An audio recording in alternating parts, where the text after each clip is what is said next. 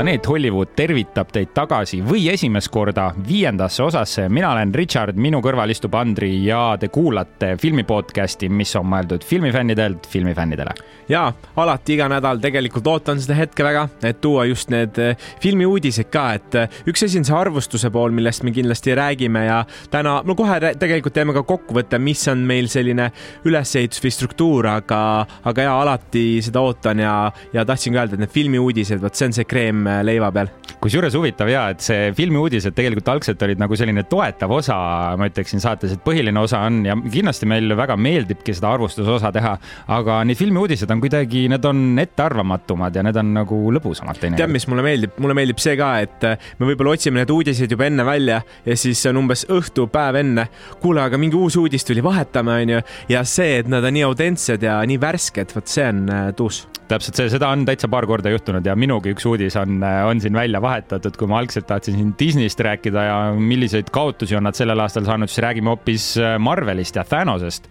aga sa tegid ja hea mm, tutvustuse ära juba, et äh, mida te siis äh, selles saates kuulete no kõigepealt me ajame siin natuke Andriga niisama sellist mõnusat filmimöla, aga siis äh, läheme filmiuudiste juurde. meil on siin Marvelist äh, üks väga äge uudis, räägime loomulikult EFTA-dest, John Wicki uuest sarjast ning äh, Leonardo DiCaprio ja Martin Scorsese filmist. ja täpselt nii ja siis muidugi arvustame ka kahte filmi. selleks on siis Apteekeri Melchior, Timmuka tütar ja teine film on siis Renfield, mis on ka värskelt kinno jõudnud ja mõlema kohta siis oma muljeid jagame ja lõppu ka Jupiteri siis platvormilt äh, soovitused. just nii, Jupiter sai kolmeaastaseks vahepeal, nii et palju õnne Jupiteri kolmanda sünnipäeva puhul. Andri, ma tahaks teada, kas sa oled kunagi ühelgi filmil kinos käies siis sellest mm -hmm. filmist välja kõndinud, kas siis mingi filmi halva kogemuse pärast või, või publiku pärast, aga oled sa kinos poole filmi pealt välja kõndinud? ühe korra. nii. ja ma arvan, et see film üllatab sind väga oh. -oh nii selleks on Avengers lõppmäng. Äh,. Läksin äh, suht esimesel tunnil minema sealt kinost. No sa oled šokis, ma vaatan su näost hmm.. palun selgita ennast. Ja ega siin midagi rasket ei olnudki, ma võin kohe tegelikult pehmenduseks ära öelda, et ma olin seda juba näinud varem ja läksin uuesti vaatama, aga noh, nii halba kinokogemust olnud mul ei ole, sellepärast et mu kõrval istus naisterahvas, kes ei tahtnud seda filmi sugugi vaadata. ja kuidas see siis välja nägi, iga ühe-kahe, umbes kolme minuti tagant ta tegi sellist häält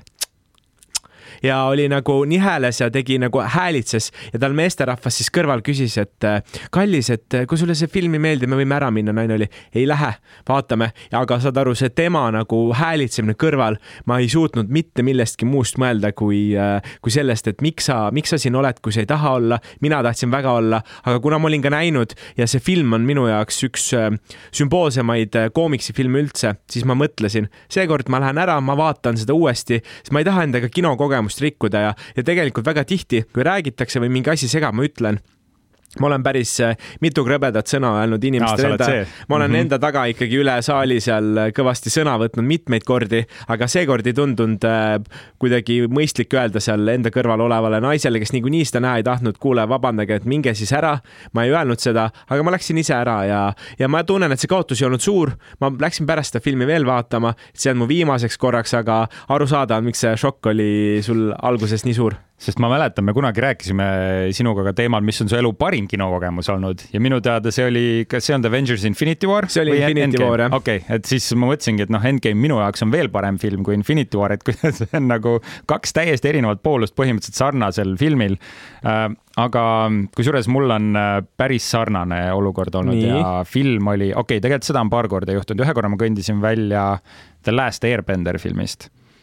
miks? jaa, sest see oli nii halb lihtsalt okay.. see oli nii halb ja kusjuures mulle... mul sõber, sõber natuke survestas ka, ütles, et see, noh, ma olen tavaliselt see, ma vaatan ka halvad filmid lõpuni, tema ei tahtnud seda vaadata. tead, mul, ma saan aru, miks ta halb film oli, aga mulle ikkagi selles suhtes meeldis, et ma võib-olla ei oleks välja läinud, aga noh, oleneb olukorrast ka, eks ja täpselt. Ja teine film oligi äh, üsna hiljutine Everything Everywhere All at Once. Kõik, kõikjala korraga. kuidas, kuidas ja nii? see oligi nii, et äh, jutud juba olid liikvel, et see on üks selle aasta parimaid filme, kõike see värk ja ma olin nii väga ootasin, mulle treiler meeldis ja film oligi super. Aga rahvas seal saalis oli lihtsalt kannatamatu. Ja seal oli üks äh, meesterahvas suhteliselt keskel, kes oli korralikult vägijooki tarvitanud, ei olnud ennast ähm, pesnud mõnda aega ilmselt ja no see oli lihtsalt hirmus, mis seal saalis, mis, mis aur seal saalis siis üleval oli ja lõpuks ta jäi magama poole filmi pealt Aa. ja norskas üle saali, rahvas naeris loomulikult, sest enamustel oli see lõbus. mina tundsin, ma ütlesin sõbrale, et lähme välja, ma tahan seda filmi õigesti vaadata, ta oli hea, lähme. aga ei tea, kas ta seitse Oscarit oleks see film saanud, kui see mees ei oleks norsanud seal kinos? No vot, äkki kõik on seotud omavahel no vot, aga ja, eks neid halbu kogemusi on ja võib-olla ongi meeldetuletus, et äh, kui lähed kinno, siis mine vaata rahulikult. ma arvan, et see probleem on nagu väga kindlatest sihtrühmadest, lapsed äh, kipuvad rääkima, ma saan aru, nad tahavad jagada, aga lihtsalt äh, kui sa vaikselt ütled sõbrale kõrva sisse, no see on okei okay., ma ise ka vahepeal mm -hmm. kommenteerin näiteks, kui käin kinos, aga, aga mitte kõva häälega ja naerda ja, ja mind häirib muideks üks asi veel, kui käin telefonis. oi, see on Keegi, kõige hullem. et üks asi on, on see, et sa vaatad kella yeah täiesti okei okay., aga ma ei tea, üks kutt tegi videokõne näiteks. ei no see on tuksis täiesti, see et... on üks hullemaid asju, mis saab teha, on see ekraani värveldus või mis iganes. no ma ütlen, natukene on okei okay,, aga lihtsalt, kui sa oled kümme minta, teed videokõne sõbraga, et see ei ole see koht. vot see on see koht, kus ma väga loodan, et sa teed kurja häält teinekordki. oo oh jaa, kindlasti teen. aga lähme siis äh, oma filmi uudiste juurde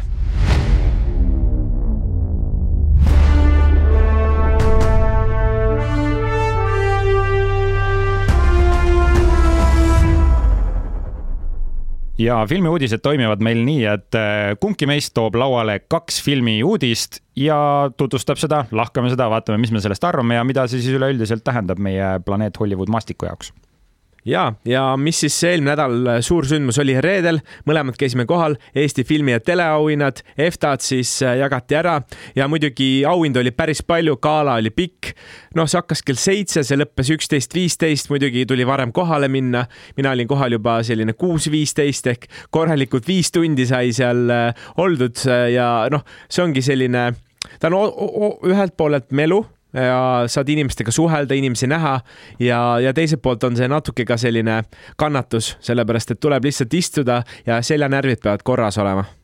see on tõesti pikk üritus. Äh, nad on ju noh, aga need on Eesti Oscarid ikkagi, see on ikkagi meie filmimaastiku väga suur äh, sündmus. aga sind ma tõesti nägin, Andri, said päris varakult kohal, ma vaatasin, tegid sa staaridega pilte, et äh, mees ikka nautis täiega. mis staaridega pilte, ikka sõpradega no,, sõpradega sai pilte tehtud, aga, aga ja mõtlesingi, et võib-olla mõne sõnaga mainiks enne, kui võtaks põhikategooriate võitjad, pikalt ei hakka ka sellest rääkima, aga et mis selle kogu sündmuse puhul sellised plussid ja miinused on ja plussid ongi ongi, või tähelepanekud ka ja ma mõtlesin, ma alustan tähelepanekutest, et äh, üks tähelepanek oligi see, et kogu see visuaalne keel oli väga võetud Oscaritest. nüüd äh, siin ma enam ei oskagi öelda, kas kuu aega tagasi või natuke rohkem tagasi toimus ka Oscarite gala, kõik see värvilahendus must, kuldne, no okei okay,, need on baasvärvid, aga lihtsalt need elemendid olid ka väga sarnased Oscaritele. see ei ole hea ega halb, ma ei anna hinnangut, aga lihtsalt tähelepanek ja mulle isegi meeldis see, hakkas sellise kabaree show'ga ja uued saatejuhid ja, ja üld, üldplaanis ma peaks kiitma, mulle väga meeldisid äh, saatejuhid, mulle meeldisid äh, väga, ka need vaheklipid olid minu meelest väga naljakad. oli küll see, vabandust, see treilerite kombo, mis äh, tehti. ütle uuesti. jah see treilerite kombo, mis pandi kokku, no põhimõtteliselt treiler treileritest, kus oli siis äh, filmist Kalev, kus Mait Malmsten pani ikka kaks päris korralikku pähklit, kus ta seal ropendas, no see oli kogu saal naeris selle peale, kogu saal no, naeris. eepiline oli ja mis veel oli eepiline, kui tuua nendest positiivsetest asjadest välja, oli see, et Tanel Padar ja Dave Benton tulid lavale uh. Everybody laulu ja see tuli sellisest kohast, et järsku hakkas, kõik olid korra, et okei okay,, mis toimub ja siis mehed hüppasid välja ja terve saal, ma arvan, et see läks mingi viis sekundit maksimaalselt, kõik olid püsti ja ma ei oskagi kirjeldada, mul oli ajalooline tunne just selles vaates, et äh, me teame, et nad võitsid äh, eurolaulu või Eurovisiooni võistluse ja nüüd nad on tagasi siin ja see oli tõesti uskumatu kogemus. seda, seda oli nii äge näha ja mina ei teagi, kas nad, kui tihti nad on nagu esitanud live-publiku. ma, ma ka ei tea seda, aga ma arvan, et mitte väga tihti jah ja, ja see tõmbas ka mind käima, ma olin, ma istusin seal üleval äh, rõdu peal, seal läks natuke kauem aega kui viis sekundit ah., aga sai ka kõik lõpuks kõik rahvas püsti ja see oli kindlalt äh, õhtu highlight ja aga minu nagu kõige suurem küsimus oligi õhtujuhid äh, Saara Pius ja Franz Malmsten, et äh, kuidas nemad siis äh, hakkama saavad pärast Tõnis Niinemetsa. Ja minu arust nagu oli lõbus küll, ütleme, et Niinemets on minu jaoks äh, selline nagu natuke puutumatu vend õhtu juhtimise osas, et ta on, ma olen nii harjunud juba, ma tean, et ma olen kindlates kätes temaga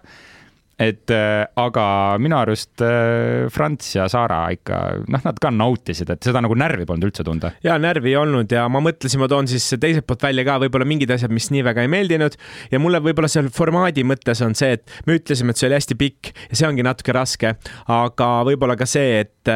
et need kõned need väga varieeruvad, mõni teeb hästi lühikese, mõni pika, et näiteks Oscaritel on niimoodi, et äh, ma ei mäleta, kas see oli minut, vist oli see minutiajaline periood, et kui minut on täis, siis hakatakse sind vaikselt muusikaga juba ära saatma. et Eestis võiks olla sama, et keegi ei jääks sinna pikalt kõnelema, sest algus on hästi lihtne, aga pärast, kell on juba seal pool üksteist, no ja kui siin tuleb mingi viieminutiline kõne, kõik mõtlevad täpselt sama asja, kuna see ükskord läbi saab. Ja tegelikult mingeid selliseid tehnilisi asju võiks äh, rohkem sees olla, sest äh, see ei ole ainult filmiauhind, auhind, seal on ka teleauhinnad ja kokku neid auhindu on pea kolmkümmend tükki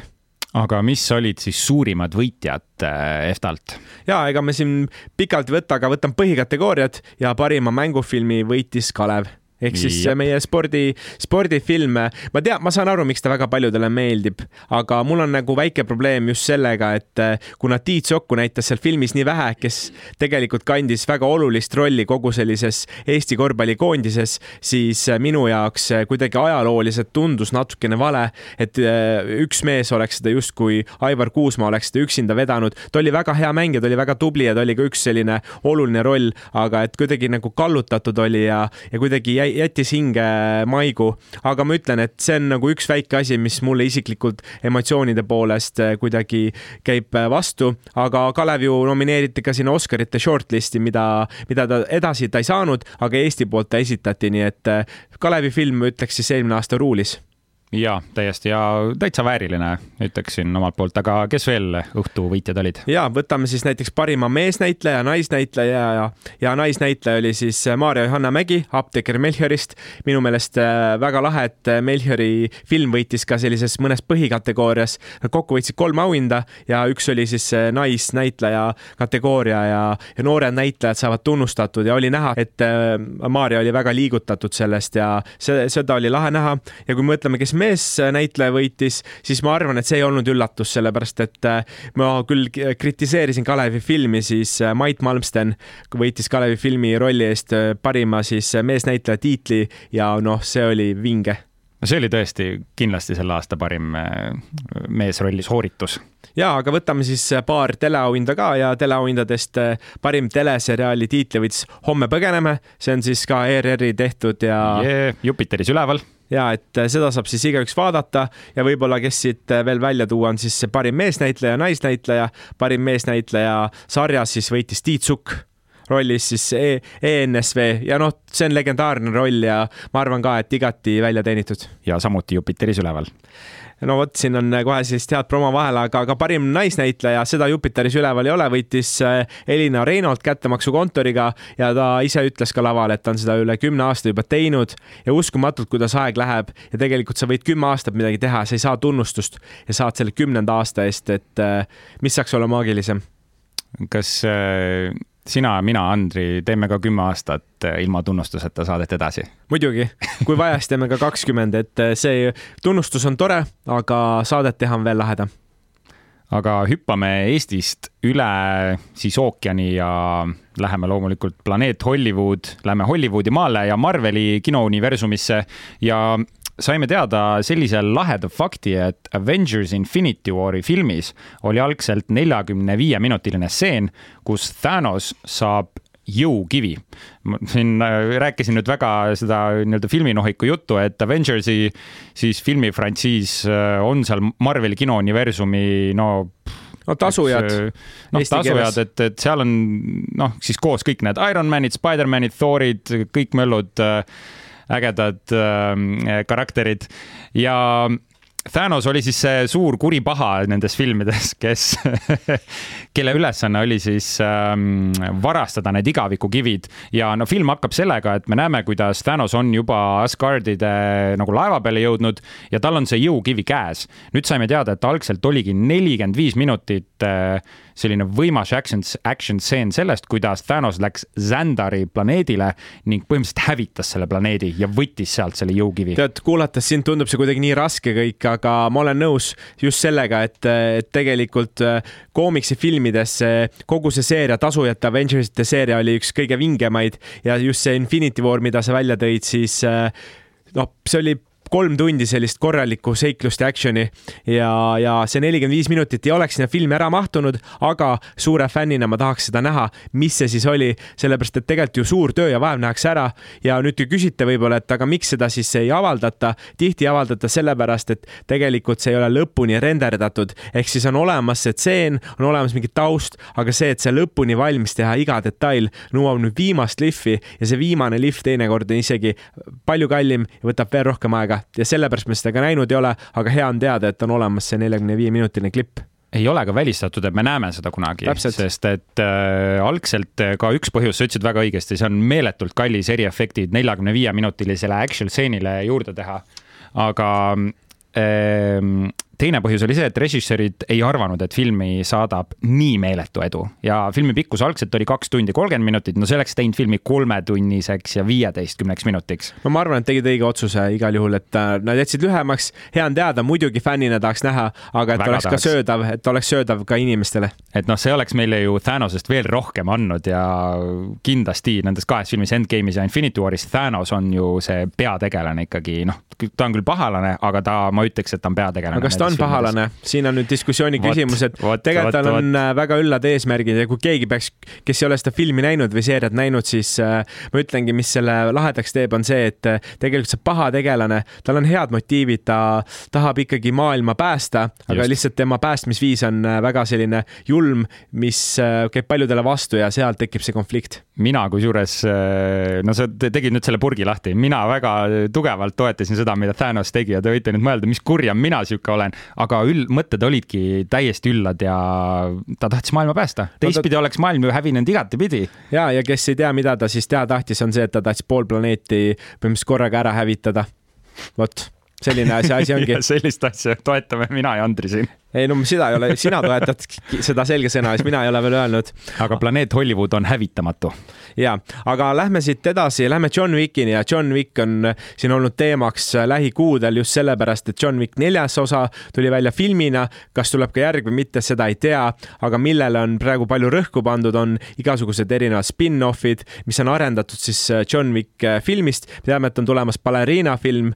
mis siis räägib ka John äh, Wicki maailmast, aga nüüd siin äh, juba selle aasta septembris on jõudmas äh, siis streaming platvormidele. ma tean, et originaalselt on Peacock platvormile jõudmas siis selline John Wicki spin-off nagu Continental ja Continental viitab selgelt sellele samale hotellile, kus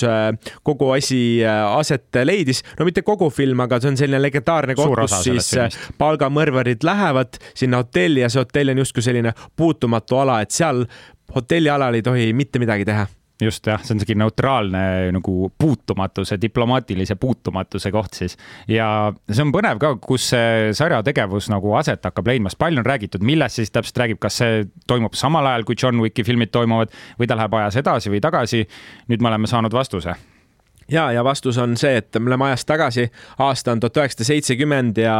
me tegelikult, äh, ta ei räägi siis äh, John Wicki tegelasest, vaid ta räägib Winston Scottist, kes oli selle hotelli manager, keda me filmis näeme manager'ina, sellel hetkel ta muidugi manager veel ei olnud. ja, ja teda mängib siis John Wicki filmides Ian McShane. ja, ja mis see lühike lugu on, äh, ta lähebki siis kolmeosaline sari esiteks ja see iga osa on umbes üheksakümmend minutit pikk ja et ei, kui me oleme traditsioonist harjunud nägema, et ongi, ma ei tea, kuuskümmend minutit, nelikümmend minutit ja siis tehakse ära, et ta on nagu natuke nagu filmi eest, ma ütleks, lühik, lühikesed filmid ja räägibki siis sellise päritolu loo, loo noorest Winstonist ja tema tegudest seal tuhande üheksasaja seitsmekümnendatel aastatel. tõenäoliselt me näeme, kuidas see Continental on saanud selliseks kohaks, nagu ta on ja lihtsalt on ühe, ühe sellise universumi laiendamine. ja, ja visuaalselt see nägi väga võimas välja, et minu üks suurimaid hirme tavaliselt ongi, kui tehakse selliseid spin-off'e filmidest, mingeid sarju, et kuidas see visuaalne keel ja kuidas ta noh, väiksel ekraanil välja näeb, siis ma ütleks ausalt, kui ma ei teaks, et see on sari, ma võiks arvata, et tegemist on filmiga, et see kvaliteet on seal päris korralik ja, ja eks selle kogu asja keskmeks ole ka ikkagi selline allilm ja allilma maffia, maffia tegevused ja seda me tõenäoliselt näeme. väga palju öelda rohkem ei oskagi, tuli ka siin minutiline treiler välja, kes tahab, saab üles otsida selle Youtube'is näiteks ja ise ära vaadata, et seal, seal sellist hõngu antakse, aga eks nüüd lähikuudel hakkab rohkem tulema infot aga kui tahate midagi pikemat vaadata, kui selleks on kolm üheksakümne minutilist äh,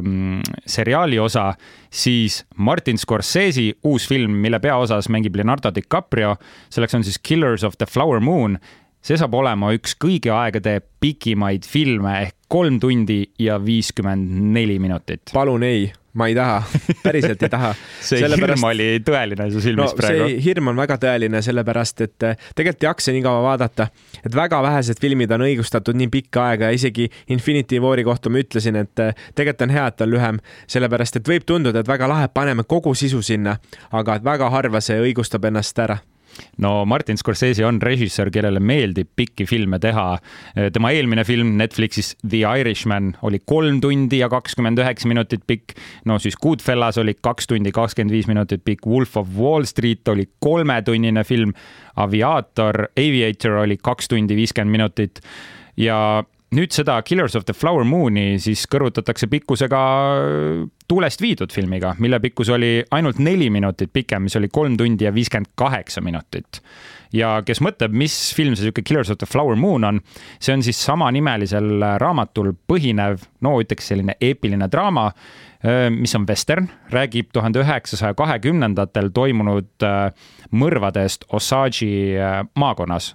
Ameerikas. see oli aeg siis, kus neid indiaani hõimude maadelt leiti naftavarusi ja see mõrvamüsteerium käibki siis selle ümber, et miks, miks need mõrvad aset leidsid no eks tuleb nüüd ootama jääda seda ja siis saab juba hinnangu anda, et kas see tasus ära või mitte, aga noh, ega vaatamata tõenäoliselt ei jäta, lihtsalt kas see on nüüd selline raske vaatamine, et jällegi tuleb neid Kindlasti tagumiku närve siin treenida või, või tuleb see midagi lihtsat. Või siis soovitan vana hea vetsupaus ikkagi vahele vot see on ka asi, mida vanad filmid tegid, oli intermission oli filmide vahel ehk siis vaheaeg. no kui neli tundi on film, siis ma tahaks küll seda pausi. ja Eestis on isegi ka olnud pausiga, et nüüd enam ei ole, nüüd tahavad ju kõik ära ruttu näha, tahavad äh, ruttu koju minna, aga no mis sa, mis sa teed, ei, ei lasta. aga film ise esilinastub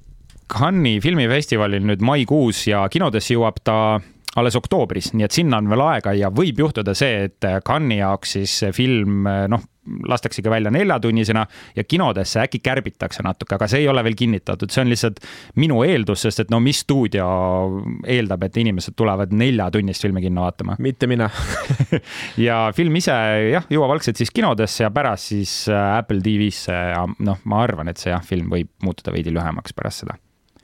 Nii, aga uudised on selleks nädalaks ühel pool, läheme siis selle kõige magusama osa juurde, milleks on nädala nael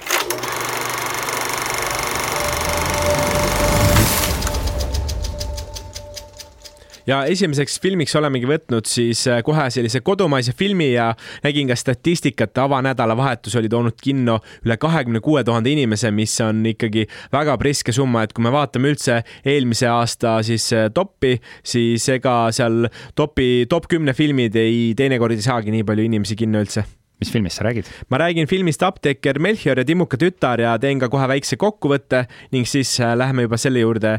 mis muljed ja mõtted tekkisid aga film räägib siis sellest, kuidas äh, keskaegse põnevustriloogia viimases filmis satub apteekri Melchiori naine Keterlin jõhkra kallaletungi tunnistajaks. tundmatu noormehe elu õnnestub päästa, kuid mälu kaotanud ohver ei tea, kes ta on ja kuidas ta enda jaoks võõrasse Tallinnasse sattus. sündmuskohalt leitud sõrmus juhatab Melchiori öisesse vennaskonnajälile, aga küsimus tekitab ka laadapäeval esinenud selliste veidrikute grupp hirmuäratavad märgid vihjavad, et ohus pole üksnes tapmiskatsest toibuv tundmatu, vaid ka teda ravivad Melchior ja Keterlin ning lühidalt ongi see, et kogu see möll hakkab toimuma siis sellise tapmiskatse ümber ja kogu see uurimislugu, kuidas tegelikult veel saab inimesi surma ja teinekord ongi see, et asjad tunduvad hästi lihtsad, aga siis nad lähevad raskeks no tundub äh, päris korralik mõrvamüsteerium, mina olen esimest kahte filmi kinos vaatamas käinud, kolmandat ei ole, et kui sa siin nüüd hakkaksid äh, võrdlema või tahad sa enne korra näitlejatest, režissöörist rääkida, ma tahaks kohe küsida, et kuidas see kolmas nende teiste osadega kõrvutub? Ja ma võin anda kiire kommentaari ja siis äh, räägime natuke näitlejatest, režissööridest ja, ja siis lähme pikema arvustuse juurde, aga lühike vastus ongi see, et kui sa, kui nüüd vaadata nagu tervikut, esimene, teine, kolmas, siis ma ütleks, kolmas on kõige ootamatum mm.. ma ei, ma kuidagi ei oodanud neid sündmusi, ma läksin ka hästi avatud lehena sinna, et andke mulle, ma võtan vastu ja ma sain selle, aga sujuvuse mõttes mulle isegi teine osa, Viirastus, äh, meeldis äh, rohkem kuidagi, ta oli müstilisem ja ma arvan, siin on lihtsalt see stiilieelistus, aga kolmas ikkagi üllatas, ma ütlen, teine ja kolmas on väga lähedal ja ma kahtlustan, et neid osasi võib veel tulla, ega see lõpp kuidagi ära ei andnud, et kas tuleb või mitte, aga, aga pigem võib. aga kui me vaatame, kes seal siis selle teinud on, siis muidugi Elmo Nüganen on filmi režissöör, tema on teinud ka meil teisi filme, näiteks nagu Nimed Marvor tahvlil, tuhat üheksasada nelikümmend neli ja tootjateks ongi siis näiteks Taska film, kes on teinud siin O2 ja Fred Jüssi Olemisilu ja Talve ja ühesõnaga need tootjad on, ma ütleks, ühed Eesti sellised kogenumad ja võimsamad, et mehed-naised, kes seal seda tootsid, teadsid, mida, mida nad tegid, aga, aga kui me vaatame, kes siis näitlesid, siis oligi, me rääkisime Maarja-Johanna Mäest, kes sai siis parima naisosatäitja rolli eest filmis auhinna, EFTA auhinna, siis tema mängis seda Keterlini, Melchiori naist ja Melchiorit ise mängis siis noor näitleja Märten Metsaviir, kelle jaoks oli ka selline, üldse see triloogia oli esimene suurem filmiroll ja otse lavakast äh, välja tulnud, talle seda pakuti minu meelest jällegi väga hea mõte pakkuda siis täiesti uuele näole selline kohe päris krõbe roll ja ma arvan küll, et ta sai oma mahlas hakkama no seda on väga hea kuulda. minu lemmiknäitleja seal nendes filmides on olnud ikka Maarja Johanna Mägi mängitud Keterlin, et esimeses filmis ta jäi nii ehedalt meelde kuidagi, tal on mingi energia, mingi sihuke omadus, mis on nii särtsakas, mulle õudselt meeldis. kas sa oled armunud? Ei kommenteeri no vot, äh, siin, siin tuleb sind ikkagi liistule võtta, aga ja lähme, lähme filmi juurde ka ja ma ütlengi, et äh, minu meelest on selline Eesti põnevuslugu, kui keegi otsib väga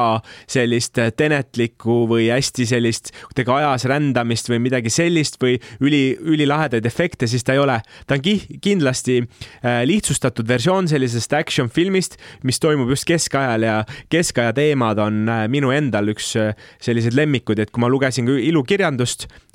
gümnaasiumi ajal, siis keskaeg mulle alati meeldis ja ta on selline keskaegne mõrvamüsteerium, kus siis toimubki hästi palju asju ja, ja ma arvan, et ka kogu see Melchiori triloogia on Eesti filmimaastikku selles mõttes arendanud, et pannud kastist välja mõtlema ja kindlasti, kui keegi ütleb, et ah, et see ei ole võrreldavgi sellega, mis Hollywoodis tehakse, siis muidugi ei olegi. et minu arust Eesti film pole kunagi olnud, et pole, pole kunagi olnud päris Hollywoodi vääriline, aga see ei tähenda, et ei oleks Eesti vääriline, Eesti inimeste vääriline ja, ja mulle meeldib, kui me vaatame jällegi kinotoppe, siis Eesti filmid on vahest top viis kõik äh, on Eesti, Eesti enda toodang ja, ja tulebki eestlastele Eesti asja teha ja tegelikult on ju see romaanide põhjal tehtud, et siin ei ole see alg- või alltekst ei ole ise välja mõeldud, vaid ta on küll muudetud, ta ei ole sada protsenti sama, aga äh, Indrek Hargla siis äh, samanimelistel raamatutel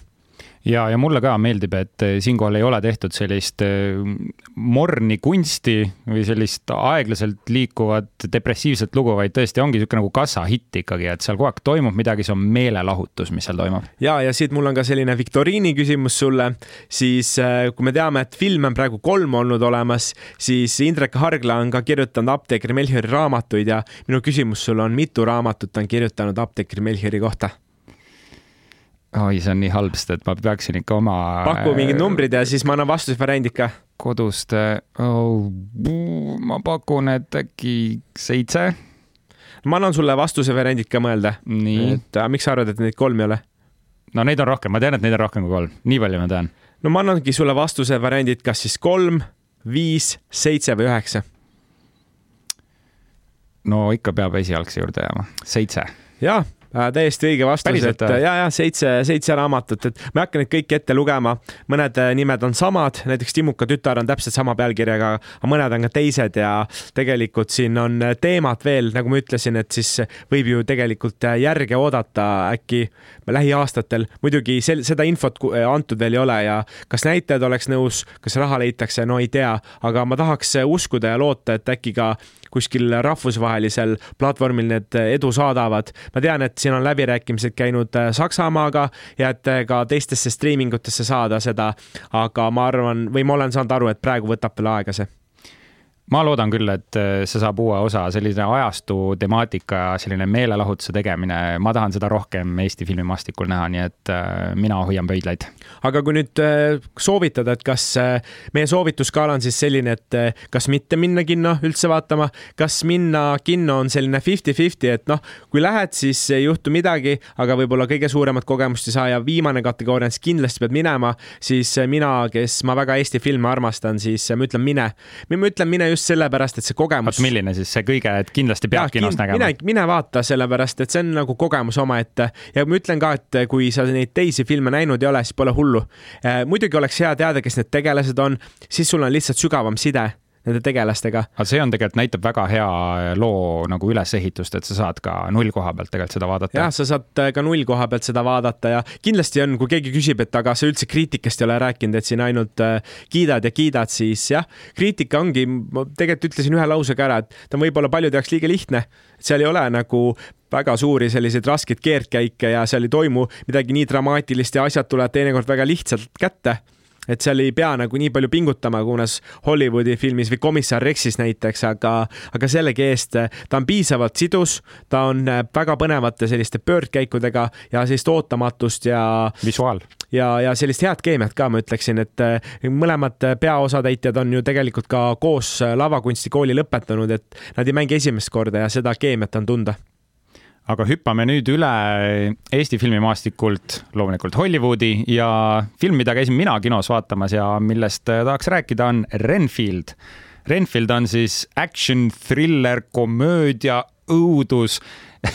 igasugused žanrid kokku pandud, mis räägib siis klassikalise Dracula karakteri loo ning toob selle tänapäevasesse maailma. ja selleks, et siis legendaarne Dracula saaks oma igaüst toitu ning suudaks selles tänapäevases maailmas ellu jääda, on tal ustav abiline, kelleks on Renfield. Renfield on siis Dracula mõju all kuskil sajandi tema nagu orjastuses olnud ning Renfield tahab lõpuks vabaks saada ja oma elu elama hakata. ja näemegi siis sellist naljakat nagu vastandumist, et eh, tegelased, kes on sajandite vanused, on järsku tänapäevases maailmas, Renfield käib grupiteraapias ning üritab oma elus uut lehekülge pöörata kuid edutult, sest et New Orleansi allilma tegemised nõuavad siis Renfieldi sekkumist ja tekib siis ähm, täiesti eraldi story sinna kõrvale, Dracula Renfieldi kõrvalt, kus nad siis äh, aitavad kohalikku politseid äh, ühte siis kuritegelikku juhtumit lahendada. Äh, siinkohal siis olulised on kindlasti peategelased ja Renfieldi mängib Nicolas Holt ja Draakulat mängib ei keegi muu kui Nicolas Cage ise, keda me siis teame filmidest nagu The Rock, Con Air,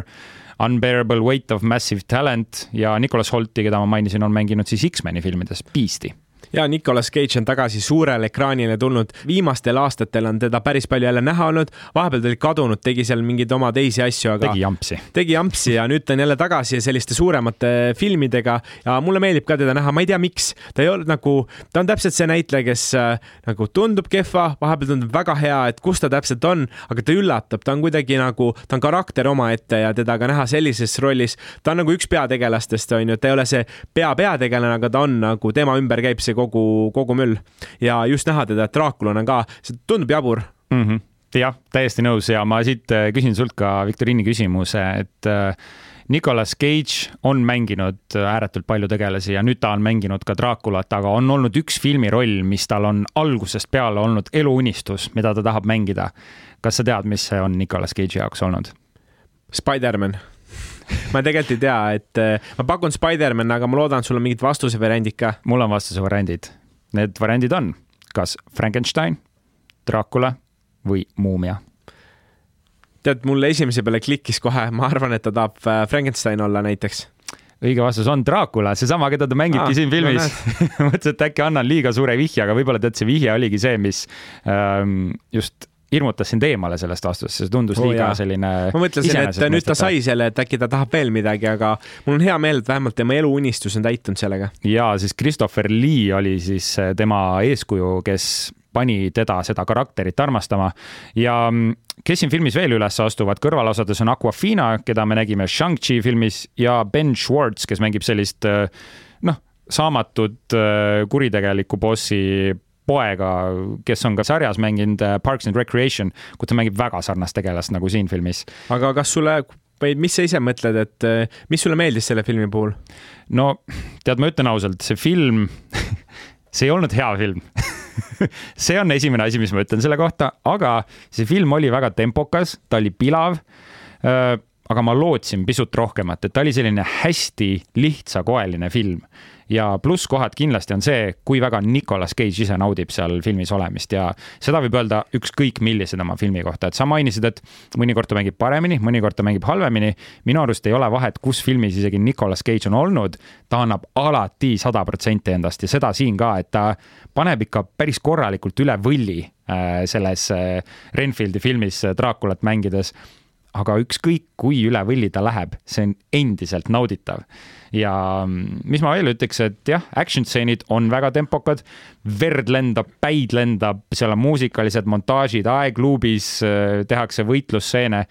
aga seal on ka palju niisugust shaky cam'i ja niisugust ebaühtlast montaaži natuke, et kui mm -hmm. järsku võitlevad ühes kohas, siis järsku kuidagi natuke teises kohas, et niisugune nagu sujuvus oli veidi selles filmis. see ongi päris karm, et eh, kui tegelikult režissöör või monteerija kuskil natuke läheb nihu, siis tegelikult näitleja kannatab, sest näitleja on ekraanil ja võib-olla Nicolas Cage tegigi elurolli, aga lihtsalt see lõpp-produkt polnud päris see vot kusjuures Nicolas Cage'i puhul ma tunnen, et nad said hästi hakkama, aga action stseenid olid mm -hmm. need, kus minu jaoks see liigendatus oli puudu, et nagu me siin rääkisime eelnevalt ka John Wicki filmidest ja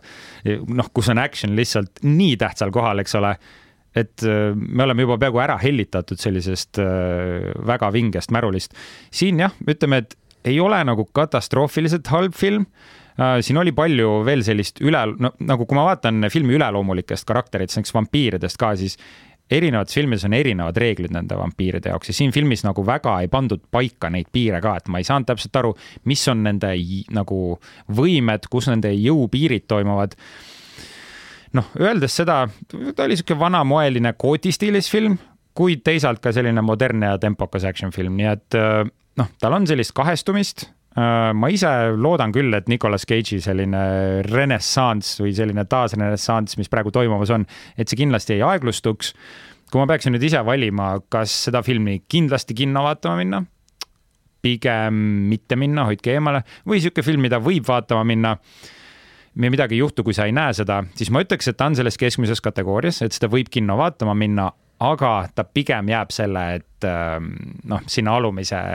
leveli peale, et äh, ma kindlasti ei ütleks, et see on film, mida peab kindlasti kinos vaatama. no IMDB annab talle tegelikult kuus koma seitse hindeks, nii et päris selline soliidne ja, ja tegelikult ei ole väga pikk ka, et on tund kolmkümmend kolm sama pikk kui Melchior, nii et äh, saab juba kolme tunni jooksul kaks filmi ära vaadata, et kui me rääkisime, et siin neljatunnised filmid on tulekul, nii et see mulle meeldib, kui on konkreetne ja ta oli ja selles mõttes lihtne vaatamine, et äh, läks nagu sihuke tuuleiil mööda ja film oligi läbi äh,. filmi kassatulu on jäänud kusjuures ka tagasihoidlikuks, millest on jällegi kahju, et seal oli vist kuskil kuuskümmend miljonit äh, oli filmi eelarve, aga ei ole ta veel seda tagasi teeninud ja film on juba nädal aega väljas olnud. no küll jõuab, ma tean, et need avanädalavahetused on kõige olulisemad, aga küll see film jõuab aga nädala naelaga oleme ühele poole jõudnud, filmid on arvustatud, aga loomulikult, kuna me asume Jupiteril, siis nüüd anname Jupiteri soovitusi ja teie ees on Jupiteri nurk.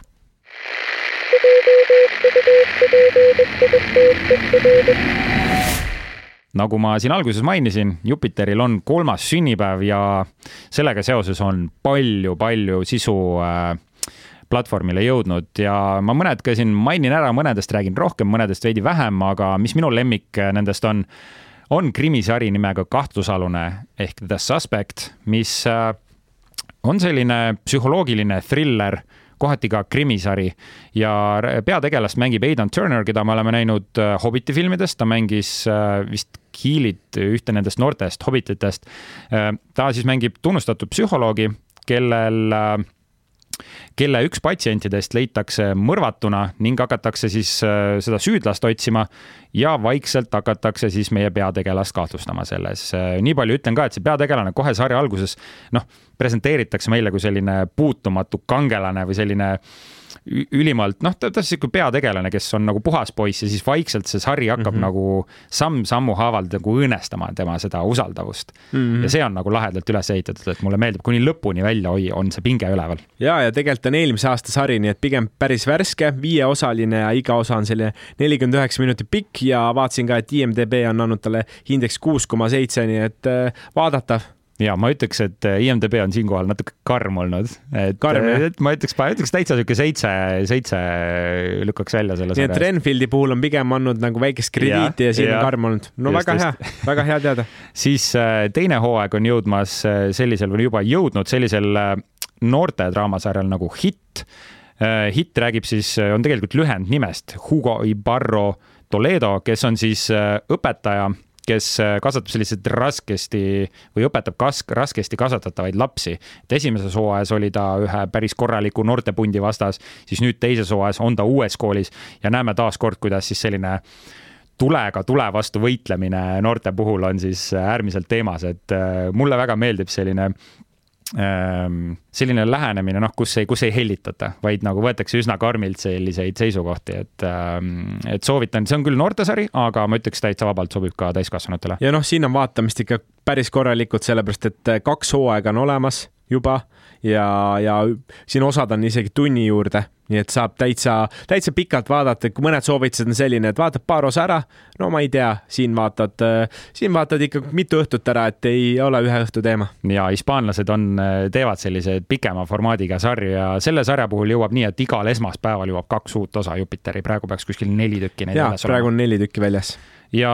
selline hea uudis ka Salmoni fännidele, et äh, Eesti kunagine kultussari on äh, selle viis osa on taastatud, ehk siis meil oli eelnevalt Jupiteris kaks osa Salmonitest, siis nüüd on viis tükki veel juures, nii et kellele meeldib äh, vaadata midagi mõnusat retrot, nostalgilist, no siis Ulfsak ja Ita Ever ja kõik, kõik tegijad on seal koos. uued osad on Jupiteris olemas ja üks väga äge Norra draamafilm ka, mis on meil varasemalt Jupiteris käinud.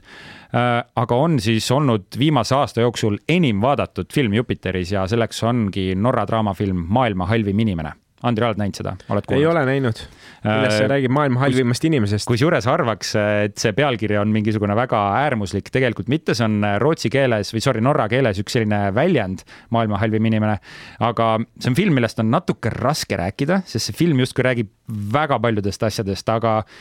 põhiline lugu käib siis ühe Norra naise, Julia ümber ja me näeme, kuidas ta navigeerib siis modernses maailmas, üritades leida oma karjääri, armastust ning vaadates väga karmilt endale otsa selle protsessi tulemusel, et äh, ma tean, kõlab väga üldiselt, aga see on selline film, mida tõesti peab vaatama, et äh, sellesse sisse elada. no selle reiting on tõeliselt hea, seitse koma kaheksa filmi kohta, ma ütleks, see on selline päris äh,, ma ei, ma ei saa öelda kriitikute film, aga kõrgelt hinnatud film ja tuleb oma silmaga ära vaadata, mina ei ole näinud, nii et pean väga ka soovitan. Jupiteri min minema ja vaatama väga soovitan. ja filmimuusika fännidele, meil on äh, üleval selline filmimuusika kontsert nagu nostalgiline filmimuusika ja tegemist ongi siis sellise kolmekümne minutilise Taani rahvusliku vokaalansambli kontserdiga, kus äh, esitamisele tulevad nostalgilised lood filmidest nagu Armastusega Venemaalt, West Side Story, Farinelli suurmeister, moodsad ajad ja teisi veel, nii et äh, võite vaadata seda, võite panna niisama mõnusalt taustale käima, mulle neid filmimuusika kontserte meeldib lihtsalt taustale käima panna, kui ma näiteks kodus koristan. nii et äh, need on olnud meie Jupiteri nurga soovitused äh, Andri, me vaatasime siin järgmist nädalat ja nagu filmide osas on järgmine nädal pisut sellisem vaiksem, et äh, meil ei olegi veel kindlat plaani paigas. ma tean nii palju, et mina tahan vaatama minna sellist filmi nagu Jaht sarimõrvarile, mille peaosas on siis Shailene Woodley ja Ben Mendelsohn, mis tundub selline vanamoeline krimitriller olevat jah, et võib-olla selliseid suuri nimesid ei ole, aga tegelikult väiksemaid nimesid on ja mina lähen vaatan ära siis äh, Susume ja see on selline Jaapani Anime. animatsiooni taustaga film ja juba vaatan, et siin on hindeks on seitse koma kaheksa välja pandud ja Makoto Shinkai on, Shinkai on teinud ja tema on siis varem ka teinud äh, siin teisi filme, ma tean, et üks, äh, mis on palju populaarsust siin äh, kogunud on äh, Sinu nimi on, on eestikeelne võib-olla tõlge ja mm -hmm. seda teavad siin Jaapani animatsiooni armastajad rohkem, aga ma lähen vaatan ära ja ausalt öeldes annan ülevaate, et ma ei, ma isegi ei kujuta ette, äh, kuidas või mis see on, kas see on väärt vaatamist, siis saamegi siin rääkida ja aina rohkem on kusjuures hakanud neid animefilme kinodesse jõudma, mis, no ma tean, sina, Andrei, oled väga suur animesõber. jah, no ma arvan, et on õige öelda väga suur, et äh, ma siin ikka iganädalaselt äh, silma mõndadel sarjadel äh, hoian ja eks me peame pikemalt rääkima üldse, mis see Jaapani animatsioon tähendab, sellepärast et siin praktiliselt kolmkümmend protsenti Jaapani inimestest iga, iganädalaselt vaatab erinevaid animatsioone ja see võib-olla ei tähenda päris seda, mida siin ka paljud arvavad, et see on lihtsalt mingi multika vaatamine, et see on lihtsalt üks stiil, kuidas tuua ikkagi ka neid traagilisi ja, ja muid äh, lugusid välja, põnevuslugusid, traagikalugusid, müsteeriumit välja, et, äh, et tahaks sellest rääkida. Ja võib-olla siis järgmine nädal saamegi rääkida pikemalt. ja see kõlab hästi, ma olen veidi kuulnud Andrit rääkimas animest, see on väga põnev, nii et järgmine nädalgi siis astume Andri klassiruumi, kus õpime rohkem anime kohta nii, aga selleks nädalaks ongi meil saade otsakorral. kuule, väga mõnus oli rääkida siin sinuga. kuule ja mul on siin Nautisin. saate ajal juba päris hääl ära läinud, et äh, nii, nii head filmiteemad, et lihtsalt hääl ei kanna ja ju siis sain kogu selle hinge siia salvestatud äh, helimeediumisse ja kõik saavad neid häid mõtteid järgi kuulata aga meid kuulati juba järgmisel kolmapäeval Jupiteri platvormilt ja teistelt audioplatvormidelt, kust podcast'e leiate, nii et näeme siis